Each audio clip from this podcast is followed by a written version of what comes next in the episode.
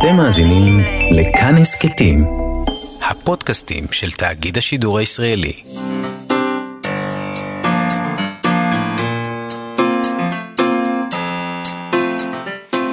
מה שכרוך עם יובל אביבי ומה יעשה לה.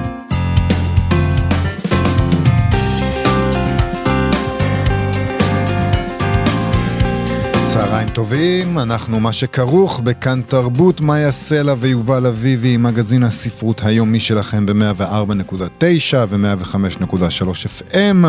אם אתם עושים את זה ברדיו הישן והטוב, ואם לא, יש שלל אופציות אה, של אפליקציות ואתרים, ואתם כבר מכירים את הנוהל.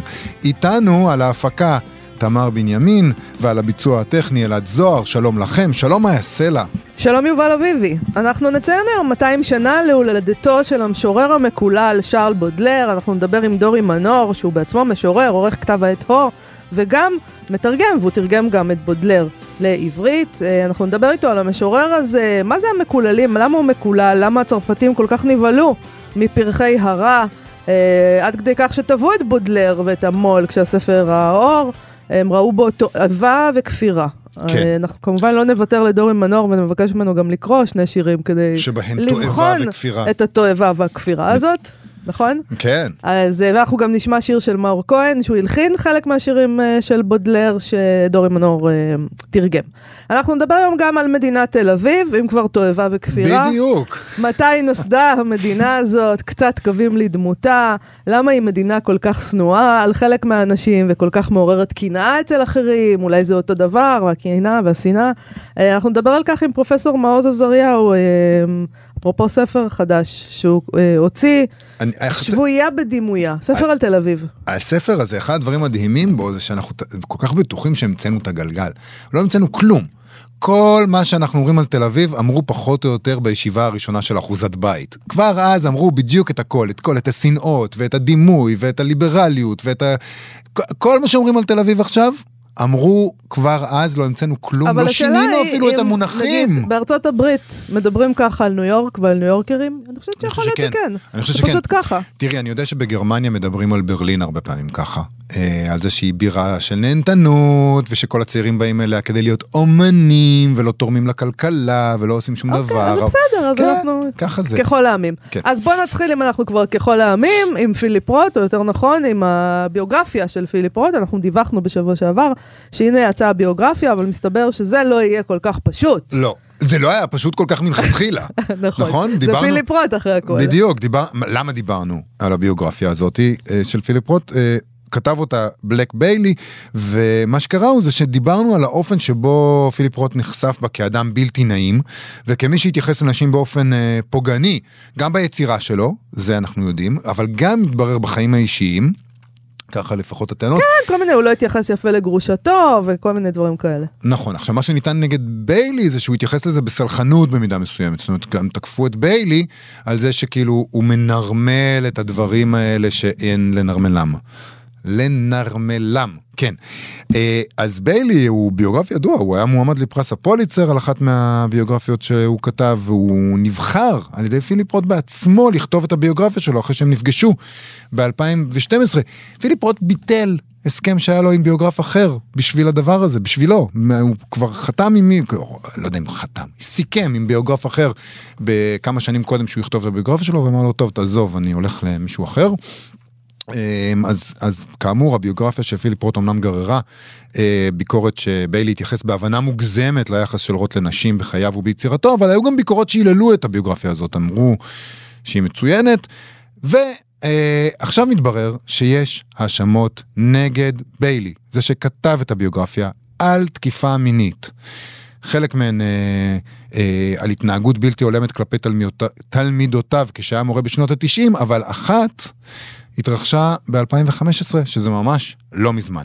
אז אולי זה היחס הסלחני של ביילי להתנהגות של רוט שגרם לחשיפת הפרשה. בכל אופן, המו"ל שלו, נורטון, מיהר לעצור בשבוע שעבר את קידום הביוגרפיה, שכבר הפכה לרב-מכר כמובן. הספר הודפס בתחילה ב-50 אלף עותקים, והמו"ל עצר הדפסה שנייה שהייתה מתוכננת להפצה בתחילת מאי. כן. אגב, הביוגרפיה יכול להיות מצוינת. זה שהוא תקף מינית ואולי אפילו אנס, זה לא קשור לביוגרפיה. על פיליפ רוט שיכולה להיות ביוגרפיה נהדרת. נכון, אז זה צעד מאוד אה, דרמטי הדבר הזה. נכון. בהצהרה של בית ההוצאה הם אמרו, אה, אלו האשמות רציניות, ולאורן החלטנו לעצור את ההפצה והקידום של הספר עד שמידע חדש יגיע, עד שיתבהרו העניינים. כל האירועים שתוכננו במסגרת מסע היחסי הציבור של הספר אה, בוטלו. והסוכנות שייצגה את אה, ביילי הודיעה שהוא אינו לקוח שלהם יותר. כולם נוטשים את הספינה הטובעת הזאתי. אה, ביילי עצמו הכחיש את ההאשמות ועורך הדין שלו מסר שביילי מתנגד להחלטת בית ההוצאה להפסיק את הפצת וקידום הספר. מפתיע. מתנגד, כן. הוא, מה, לא, הוא תומך בזה. ביילי מואשם עכשיו שהתנהג בצורה לא הולמת כלפי תלמידותיו, כשהוא היה מורה לאנגלית בחטיבת ביניים, זאת אומרת, תלמידות מאוד צעירות, כן. בניו אורלינס בשנות ה-90. אה, כאמור, כמו שאתה אמרת, יש האשמה מ-2015, זה משנה בשביל העניין הזה של התיישנות, נכון. למרות שאני חייבת לומר שמבחינתי זה ממש לא משנה. כלומר, אני לא בית משפט, אבל... וגם כן. השאלה היא מה זה לא הולם, לא משנה. ההאשמה החדשה מ-2015 מצד אה, ולנטינה רייס, היא בכירה בתעשיית המו"לות, שאומרת שהוא אנס אותה בעת ששניהם לנו אצל דווייט גרנר, מבקר ספרות של הטיימס. שזה כבר איזה מין התרחשות מעניינת. כן. כלומר, מה, מה הלך שם? מה הלך שם? אוקיי, היא לא הגישה תלונה, אבל לאחר שלוש שנים היא כתבה לנשיאת נורטון וגם לכתב הניו יורק טיימס, אבל היא החליטה שלא להמשיך עם התהליך, היא אמרה, לא הרגשתי שאני יכולה להתלונן במשטרה, אבל רציתי לספר למישהו כדי להגן על נשים אחרות. כן.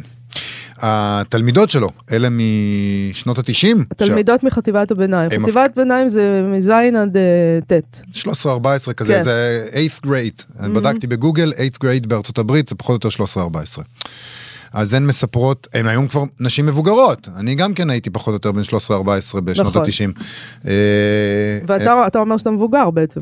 אה, הרגע הזה שאתה מודה בו. קשיש, אי אפשר אוקיי. כבר להכחיש את העניין הזה, מה הן השערות מספרות? הלבנות. אה, מה הוא עשה? מה הוא עשה להם? אז תשמעי, הן מספרות היום כנשים מבוגרות שהן הן זוכרות אותו כמורה שהיה כריזמטי מאוד, אבל שבשיעורים שלו הייתה, הוא יצר אווירה אינטימית שהזמינה חציית גבולות. הוא למשל עודד את התלמידות שלו לכתוב, הוא היה מורה לכתיבה מן הסתם, אה, לכתוב על קשרים רומנטיים ולהגיש לו את זה. היו שם בדיחות גסות, היה שם מתירנות מוגזמת. בקיצור, אווירה אה, לא... ככה זה היה בשנות ה-90. ככה זה היה. לא, אנחנו אז לא הבנו הרבה דברים. אה, אז מסתבר שהם אבל הם לא, האמת היא נותרו- שבחטיבת ביניים זה לא היה ככה. הם נותרו עם אה, תחושה לא נעימה עד היום, הת- התלמידות האלה, ותלמידה אחת שלו, זה עוד מקרה שהוא יוצא דופן. תלמידה אחת שלו, שהייתה תלמידה שלו אז בשנות התשעים, טוענת שב-2003, כשהיא כבר הייתה סטודנטית, הם חזרו שניהם אה, לניו אורלינס, ונפגשו, ושמה הוא, גם אותה הוא אנס. זאת אומרת... את התלמידה שלו לשעבר. כן. זה לא, זה לא בהקשר לת- לתלמידות בשנות ה-90, זאת אומרת. אה, בניו יורק טיימס גם טענו שיש בידיהם אימייל שביילי כתב לאותה סטודנטית, לאותה תלמידה לשעבר, שהוא כתב לה ימים לאחר האירוע הזה, והוא התנצל על ההתנהגות שלו, אבל זה מנוסח באופן קצת עמום, זאת אומרת, אני... ברור, הוא לא אידיוט. הוא לא אמר לה, אני, אני מודה." מצטער שאנסתי אותך. נכון.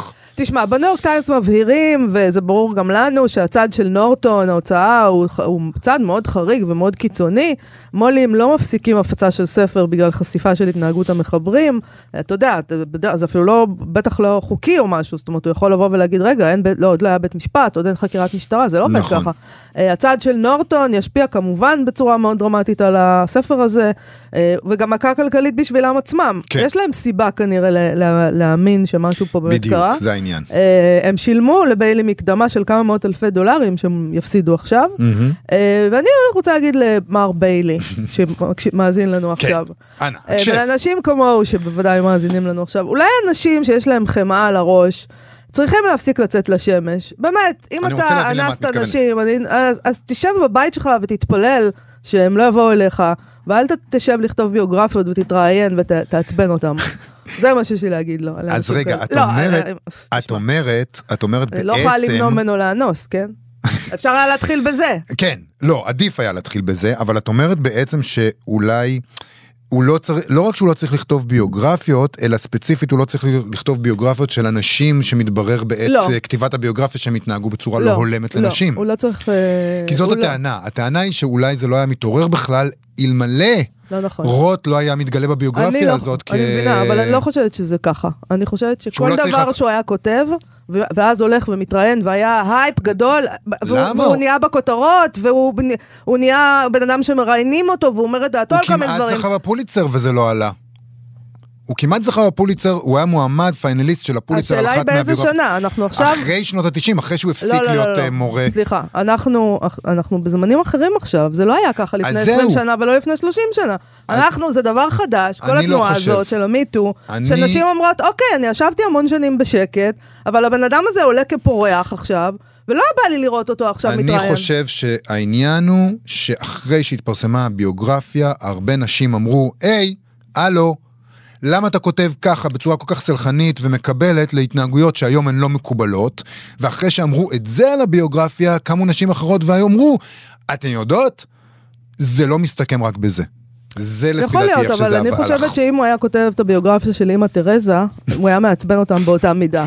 כן, היו מדברים איתו על מידות טובות, ועל איזה אישה לא נהדרת. היא הייתה, ואנשים היו אומרות, מה אתה מבלבל את המוח עכשיו? אתה אנסת אותי, אני לא כאילו. בטוח, אני לא בטוח. אני חושב שזה שהוא התייחס בסלחנות להתנהגות פוגענית כלפי נשים בביוגרפיה של פיליפ רוט, גרם לזה שאנשים אמרו, זה לא רק זה. וזה לא מפתיע שהוא מתייחס לזה בסלחנות, כי הנה תראו מה הוא עשה בעבר. אולי. לעולם בכל לא אופן, נדע. לעולם לא נדע. אבל מה שאת אומרת זה, מה שאת אמרת זה מאוד מאוד נכון, כשאתה רואה שנגיד ההוצאה פועלת ככה, ושהסוכנות זורקת אותו, זה גורם לך לחשוב, הם בטח יודעים כן, הם יותר ממה שאנחנו יודעים. שאנחנו- יכול להיות שהניו יורק טיימס פנו אליהם עם כל מיני דברים שהם לא יכולים לפרסם בדיוק, ואמרו להם תראו תראו את זה, אנחנו לא יכולים לפרסם הם בגלל... יותר מדי מיהרו אה, הם להיפטר מיהרו, ממנו. הם כנראה יודעים מה מתרחש מאחורי הקלעים, וזה אה, מה שגרם להם להתנהג ככה.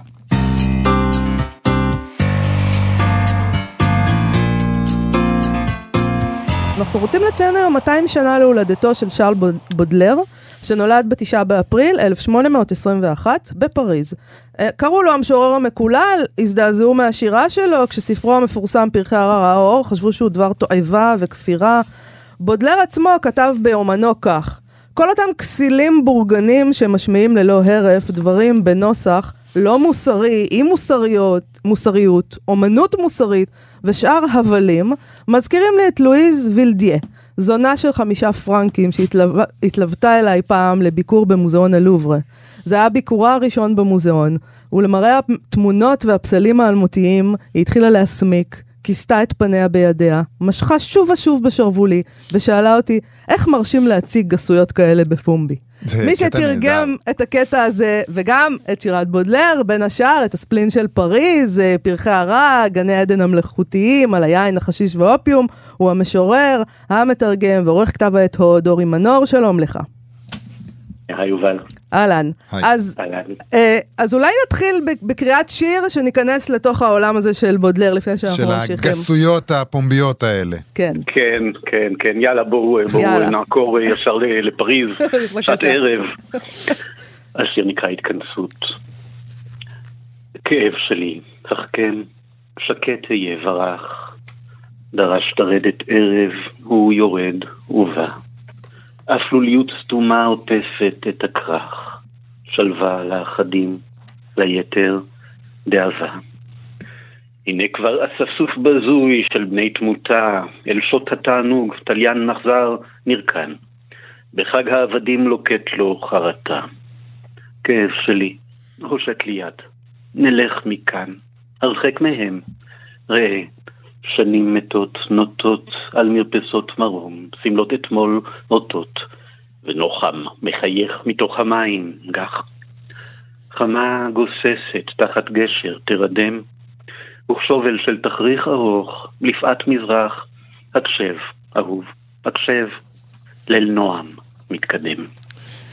טוב, זה יפה מאוד, מאוד. אבל תועבה, תתאר לנו, מה... תתאר לנו את פריז אז, לפני 200 שנה, אה, ואת בודלר מגיח, מה, מה, מה הלך שם? מה כל כך הם... אה, מה הם היו שהם הזדעזעו ממנו כל כך? הם היו טהורים, מה זאת אומרת? לפני 200 שנה הם היו טהורים. אומרת, כן.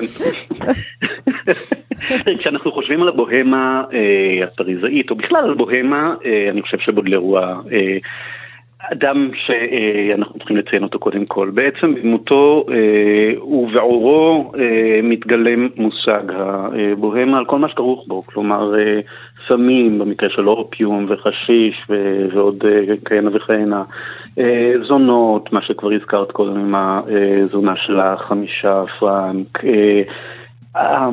חיים מאוד מאוד אנטי בורגניים במוצהר. ובעיקר אה, סוג של התנגחות מתמדת במוסכמות, יציאה נגד המוסכמות. מהבחינה הזאת בודלר, אה, הוא איכשהו הנחיל אה, לא רק את השירה אה, לשירה המודרנית, אלא גם את, את האתוס של האומן המודרני. מבודלר ואילך, אה, ככה אנחנו חושבים על, על יוצרים, על אומנים. כל מי שבא אחריו בעצם הלך מהבחינה הזאת, אה, בדרכו ובדרכה של אה, התקופה שלו. Mm, פתח לנו את הדלת, להיות, אה, פתח לכם את הדלת, להיות בוהמים, לעשן חשיש. ולשתות... וגם גם בשיר שקראת, זאת אומרת, יש פה את, ה, את התפיסה האניגמטית הזאת של הערב. זה מקום נכון. אפל ורע, אבל הוא נחמה עבור אחדים, זה בדיוק הדבר הזה, שה... שהבוהמיאנים או האנשים האלה שנגיד הם יותר בשוליים מאשר הבורגנים, בלילה הם פורחים, זה השעה שלהם. נכון, נכון, זו השעה, השעה הזאת שבה הגנבים משדלים את הדלתות להיפאר והמאהבות יוצאות אה, לרחובות, כן, זו, זו השעה, זו השעה, זו השעה שבה אספסוף בזוי, כמו שאומר כאן, של בני תמותה, אה, נרקן אל שעות התענוג. אני אבל רוצה לומר משהו, דורי, אני חושבת שבאיזשהו מקום, נגיד היום, 2021, אה, עוד פעם בודלר יכול להיחשב לתועבה. אה, אנחנו עושים איזה סיבוב כזה, וחזרנו למקום הזה. אני ממש שמח שאת אומרת את זה, כי זה לגמרי נכון. בעצם אה, בודלר בזמנו, כשיצא הספר הזה, פרחי הרע, ב-1857, באמת הוא נתפס כתועבה, ואפילו בודלר עמד למשפט, עמד למשפט, והוא... אה, נפסק אה, שהוא אה, אשם בעוון של פגיעה בפריצות ובמוסר הציבורי, אפילו גנזו שישה שירים שלו שאסור היה לו לפרסם, וזה דבר שיכול היה לקרות היום, אם לא נכון. לא היום אז בעוד שנתיים. נכון. זה ממש בדרך, לשם. עכשיו כמובן השופט הזה היה די, די אידיוט מהבחינה הזאת שמה שהוא לא קלט זה שהתועבה האמיתית זה לא בשיר X או בשיר Y שבהם בודלר אה, מזכיר, אה, אני יודע מה, איברים אינטימיים. לא זה הסיפור הרי. התועבה האמיתית לא נמצאת שם. התועבה, בעצם ההתנגחות, הקעקוע העמוק שבודלר עשה למוסר הציבורי זה בכלל לא בסמי פורנוגרפיה, גם זה היה אצלו אוקיי, big deal. כן. מה שיותר משמעותי זה איזושהי יציאה עקרונית נגד המוסכמות החברתיות. Mm-hmm. ואת זה הוא לא קלט ואת זה גם היום לא קולטים. שהסיפור הוא לא בחשיפה של, אה, אני יודע מה, אה, בפייסבוק של אה, חזה של אישה או בבולבול של גבר, לא. אה, הבעיה היא הרבה הרבה יותר עמוקה ואנחנו מכירים אותה. אז זה בדיוק העניין, שהשירים האלה, כשאתה חלק מה... מה זה לא, זה לא, הוא לא היחיד שעושה את זה, חלק מהטכניקה של להשתמש במה שכמוסכמה חברתית הוא, מופ, הוא, הוא איזה הפקרות, זה כדי לה, לה, להציב מראה מול האנשים המוסריים לכאורה, שבעצם מתנהגים בצורה לא מוסרית באמת. זה מה שמפחיד את, ה, את האנשים האלה. כשהם קוראים את השירה הזאת, הם אומרים לעצמם, אוקיי, אני מבין מה הוא עושה. בעצם, יכול להיות שהם כן מבינים מה הוא עושה. הוא בעצם אומר להם, אתם לא מוסריים. יותר מזה, הוא, הוא לגמרי אה, מכיר בכך שהם בדרכם אחים.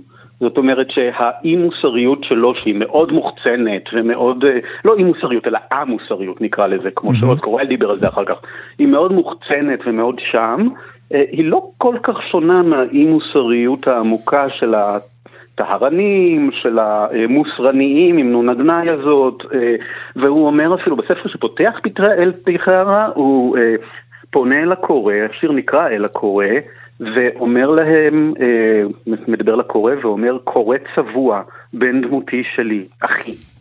בעצם הם, הם אחים, הם אחים, כן. לכל דבר ועניין. מה גדולתו כמשורר? בוא נדבר קצת על הפואטיקה שלו. טוב, הוא משורר נפלא, באמת, אני לגמרי אה, קהל שבוי בעניין הזה. הוא משורר אדיר, עם אה, דימויים אה, מדהימים ועם אה, יכולת אה, פנטסטית. לא במקרה הוא אבי השירה המודרנית. בעצם מה שבודלר עשה, הסיבה שהוא אה, נחשב לא רק למשורר המקולל עם כל סיפורי הבוהמה המאוד סקסיים האלה, אלא כן. אה, בראש ובראשונה למהפכן פואטי אדיר, זה שהוא הראשון שבא ואמר, תשמעו חברים, הכל צריך להיכנס לשירה. הכל, הכל ראוי להיות בשירה. כן. אם אני עכשיו חי בעיר גדולה במאה ה-19, תקופה של מהפכה טכנולוגית, אז העשן של הערובות צריך להיות בשירים שלי, לא רק אה, הניחוח המתאבך אה, מ- מ- משושנים אה, באחו. לא, גם עשן הערובות וגם הזונות שיוצאות בעיר והן אה, סובלות, וזה נורא, וגם אם אני עולה במעלה של איזושהי אה, גבעה.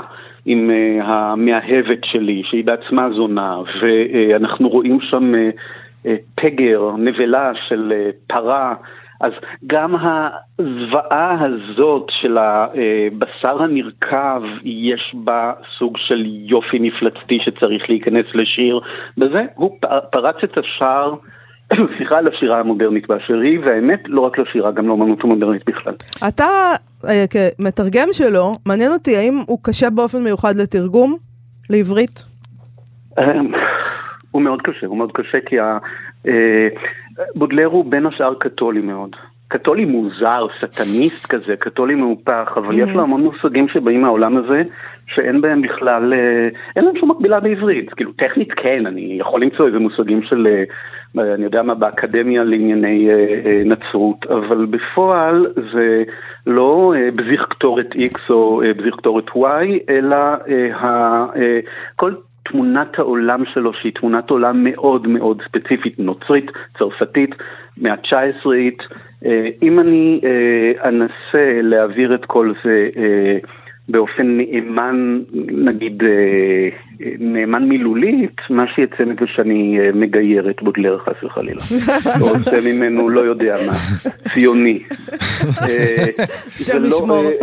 השם ישמור. לא, זה באמת מאוד מאוד צריך להיזהר עם זה, והוא קשה לתרגום, אבל הוא גם מרתק לתרגום כמובן. תגיד, היה לו איזה עדנה בסוף? אה, הרי, הרי כל הדברים שאתה אומר עליו, אנחנו יודעים שהרבה מאוד מהשירים שלו בכלל לא פורסמו בחייו, אלא רק לאחר מותו. אה, אבל כן ראו את הדברים שאתה אומר עליו, הדברים היפים שאתה אומר עליו עכשיו, גם בחייו, או שזה נגמר בהוקעה מוחלטת? בחייו זה נגמר בהוקעה מוחלטת, שום עדנה. בחייו כאשר הוא, הוא מת מסיפיליס בכלל, סיפיליס שהוא, שהוא כמקובל, קיבל... כמקובל. כמקובל, כן, מן הראוי, כן. אבל זה, המקרה שלו היה בכלל, הוא קיבל את הסיפיליס, הוא ידע להגיד בדיוק ממי, מזונה, לא נעים להגיד, יהודייה, בשם שרה. שהכינוי שלה היה ללושת הפוזלת. סליחה שאני צוחקת. הוא היה, כן. הוא היה בערך בין, לא יודע, 18-19 משהו כזה כשהוא קיבל את זה, ומאז הוא ידע ש... אה, הוא סחב את זה כל השנים, הבנתי. הוא סחב את זה לא מעט שנים, ובשנים האחרונות שלו לא היה נחמד להסתובב בסביבתו, והוא... כאשר הוא היה באשפוז האחרון שלו, שזה היה בכלל בבריסל, בבלגיה, האחיות שהיו אז כמקובל נזירות, היו כל כך מזועזעות מהדברים שהוא אמר שם וצעק, שכאשר הוא... הוא עבר משם לבית חולים אחר בצרפת, הן ערכו טקס טיהור שדים. פשוט עברו עם קטורת וטיהרו את החדר מהנוכחות האיומה. זה ידוע, זו תופעה של סיפיליס, כי היא אוכלת את המוח. אבל אצלו זה לא היה רק הסיפיליס כנראה. לא, זהו, זה כנראה היה התאבכות בונה כזאת של אישיות וסיפיליס. אני רוצה לשאול, דורי, בשבוע הבא, ביום שלישי, אתה מקיים ערב בתיאטרון הקאמרי, שבו תחגגו את חייו, אני מעיזה לומר, את שירתו. ספר לנו קצת מה יהיה בערב הזה. הערב הזה יהיה ערב שמוקדש כל כולו לבוהמה הפריזאית ולבודלר, ואנחנו נארח שם את מאור כהן שהלחין אלבום שלם של שירי בודלר בתרגום שלי, מפרחי הרע, ואחרי הרבה שנים הולך לשיר כמעט את כל האלבום בחי. ויהיה דובלה גליקמן שכשהוא לא שטיסל הוא פרנקופיל גדול ומעריץ גדול של בודלר והוא יעלה קטעים מהשירה של בודלר ודרור משעני שאני אשוחח איתו ודורית שילה שאני אשוחח איתה ויהיה ערב עשיר ומעניין. אז לסיום נשמח אם תקרא לנו עוד שיר. יופי, בשמחה. אני, אני, אני אקרא את השיר בעצם הראשון שתרגמתי. אה, של בודלר, אני הייתי בן 16 וחצי פחות או יותר, אה.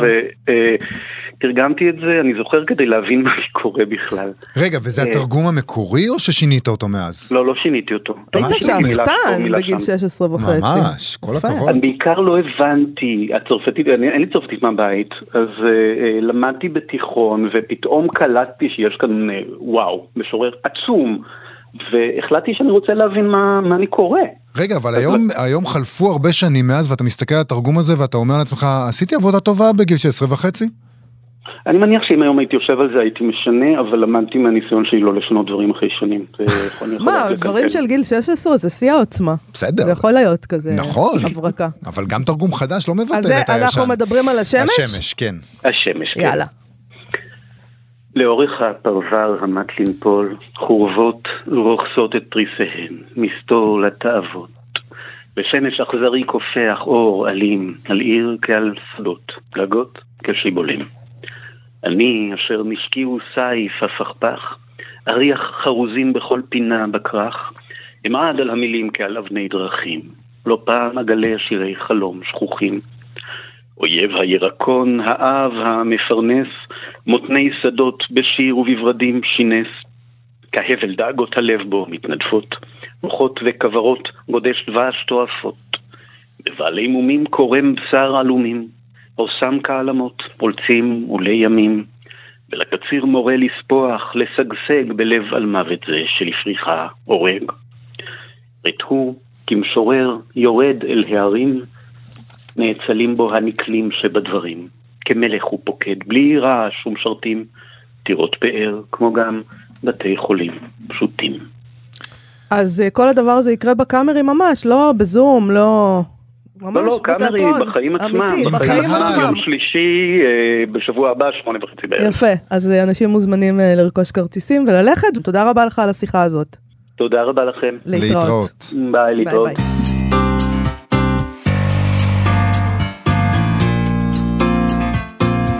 ואנחנו נדבר עכשיו על מדינה מיוחדת במינה, מדינת תל אביב. אוהבים אותה כאילו יש בה שפע חנייה ומרחב, שונאים אותה כאילו היא לבדה אשמה בשינויי האקלים ובסכסוך הערבי-יהודי. אז מה זאת מדינת תל אביב? מתי הוקמה? מי הם אזרחיה? ולמה היא כל כך שנואה? מה כן, יש? מה יש להם? זה- למה? מה אז עשינו להם? יש הרבה הרבה תשובות לדבר הזה. זה נכון, לא, זה נכון, לא, ח- נכון. יש הרבה תשובות. אוקיי. אה, והן מנוסחות בספר חדש שכתב פרופסור מעוז עזריהו, שהוא גיאוגרף של תרבות, ראש מוסד הרצל לחקר הציונות באוניברסיטת חיפה, מנסה ומצליח לדעתי לענות על השאלות האלה בספר שבויה בדימויה, שיוצא בסדרת ישראלים, שעורכים תמר הרמן ועופר שיף בהוצאת האוניברסיטה הפתוחה ומכון בן גוריון באוניברסיטת בן גוריון.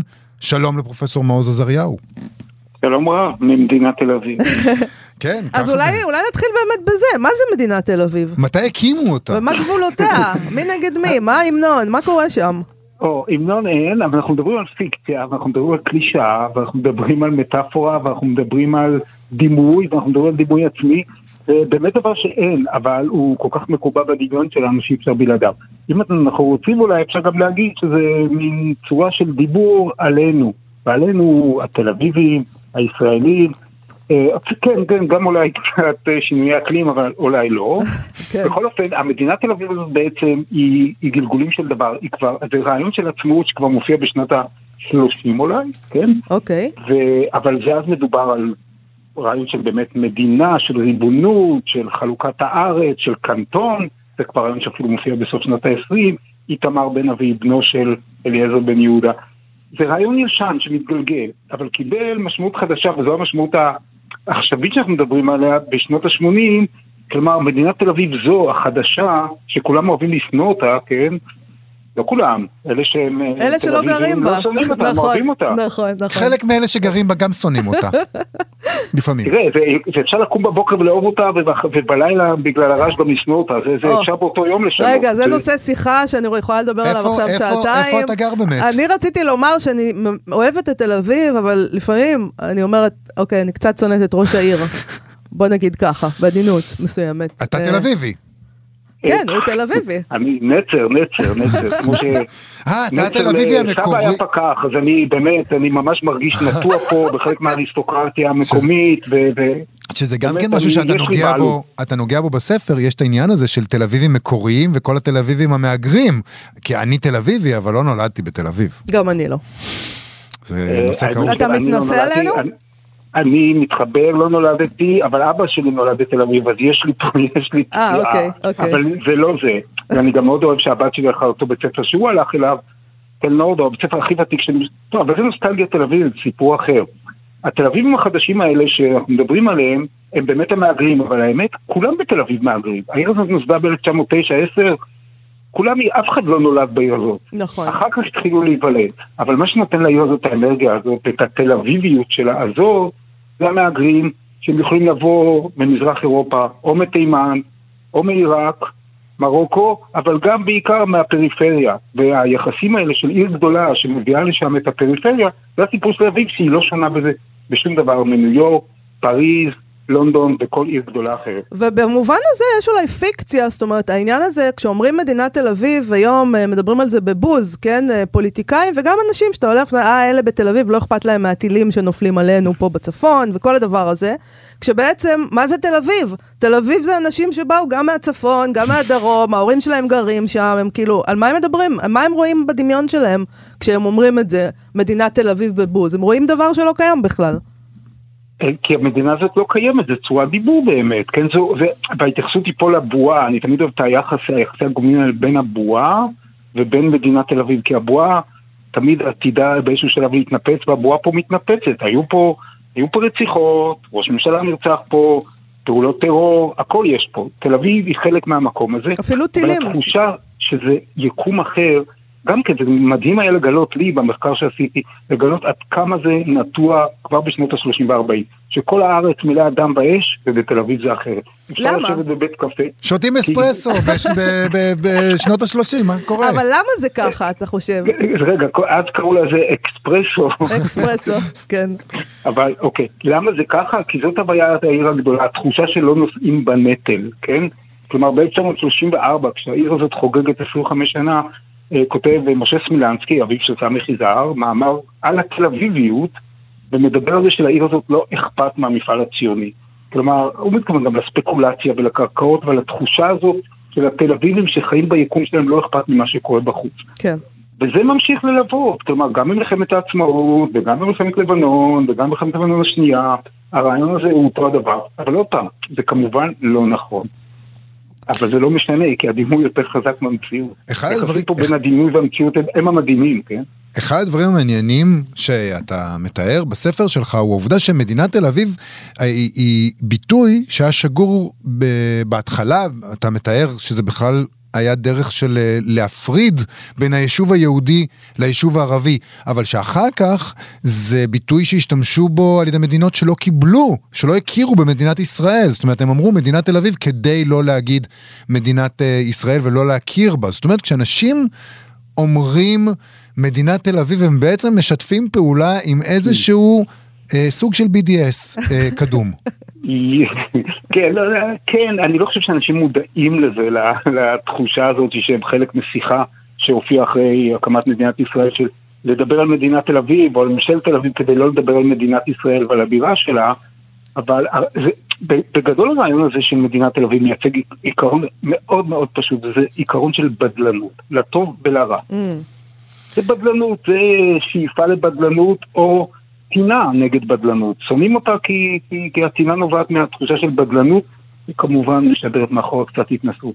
לא אני רק התנסות, גם אז- אתה מדבר על המגדלור, על, ה, על העובדה שתל אביב רואה את עצמה, וזה מפתיע שזה כל כך שנוא בישראל, כי אנחנו רואים בעצמנו אור לגויים, ואנחנו מתנשאים מעליהם, אבל תל אביב אומרת, אנחנו אור לישראל, אנחנו המגדלור, ואז שונאים אותה על מה שכאילו ישראל רואה בעצמה ממילא.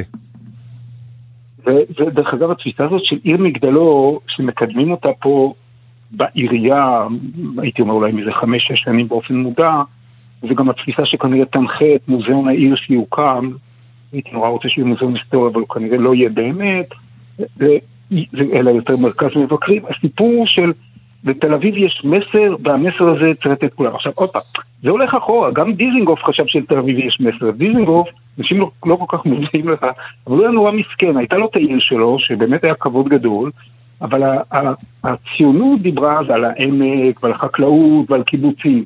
והוא בא עם העיר שלו שהייתה עיר קפיטליסטית ובורגנית ומעמד בינוני, שמבוססת על ספקולנטים, כן, של, היום קוראים לזה אולי יזמים, לא יודע, של כן. קרקע מוכרים קונים, וזה היה המסר שלו, ואמר שוב ושוב ושוב, עתידה תל אביב אה, להיות, אה, להתפשט לארץ ישראל כולה, וצדק. הרעיון זה שתל אביב יש לה מסר לאומה כולה, הוא רעיון ותיק. הוא יכול לשנות אבל את צורתו ואת משמעותו. היום המסר הוא מאוד ערכי, כן? כלומר, של העיר הליברלית, הפלורליסטית, ה... אבל עושה רושם שזה בטח עניין של uh, תקופות בהיסטוריה, אבל אני מתרשמת שנגיד היום המסר של תל אביב הוא מסר שנדחה על ידי רוב הציבור. כלומר, יותר שונאים אותה מאוהבים אותה. אני, אני מגזימה?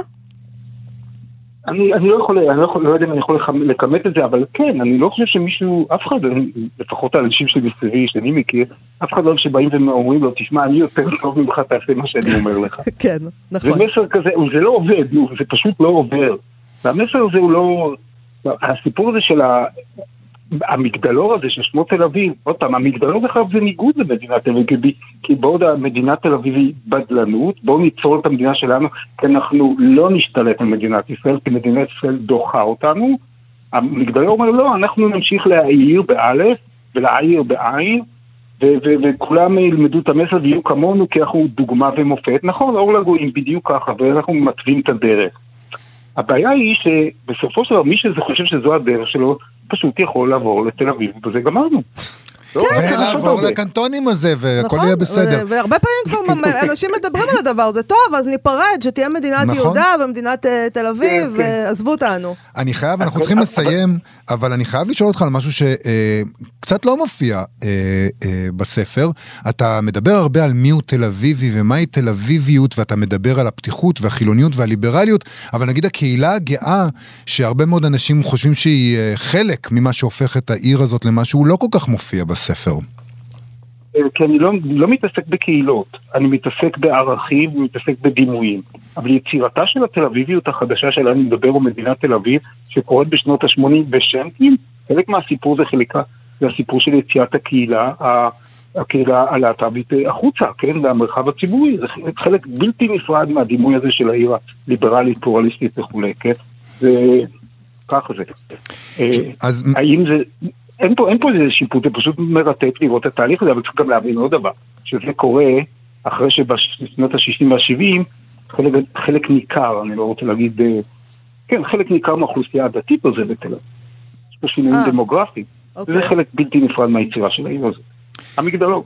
המגדלור. שבויה בדימויה, קיצור תולדותיה וקווים לדמותה של מדינת תל אביב, פרופסור מעוז עזריהו. זה ספר מרתק שמגלה נכון. בעיקר שלא המצאנו כלום, אנחנו נדמה לנו כל הזמן, הנה תראו, תל אביב אבל הוא גם כיפי, הוא גם כיפי. הוא נהדר. הוא תל אביבי קצת, אני חושבת. מאוד תל אביבי. כן. הוא כתב אותו אחד שגר בתל אביב. תודה רבה לך, מעוז עזריהו. תודה לכם. להתראות. להתראות.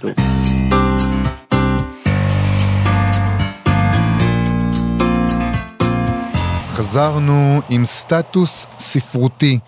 אה, של אורית אה, פוטשניק לכבוד יום הנראות, פוטשניק, סליחה, לכבוד יום הנראות הלסבית שצוין אתמול, וכך היא כותבת.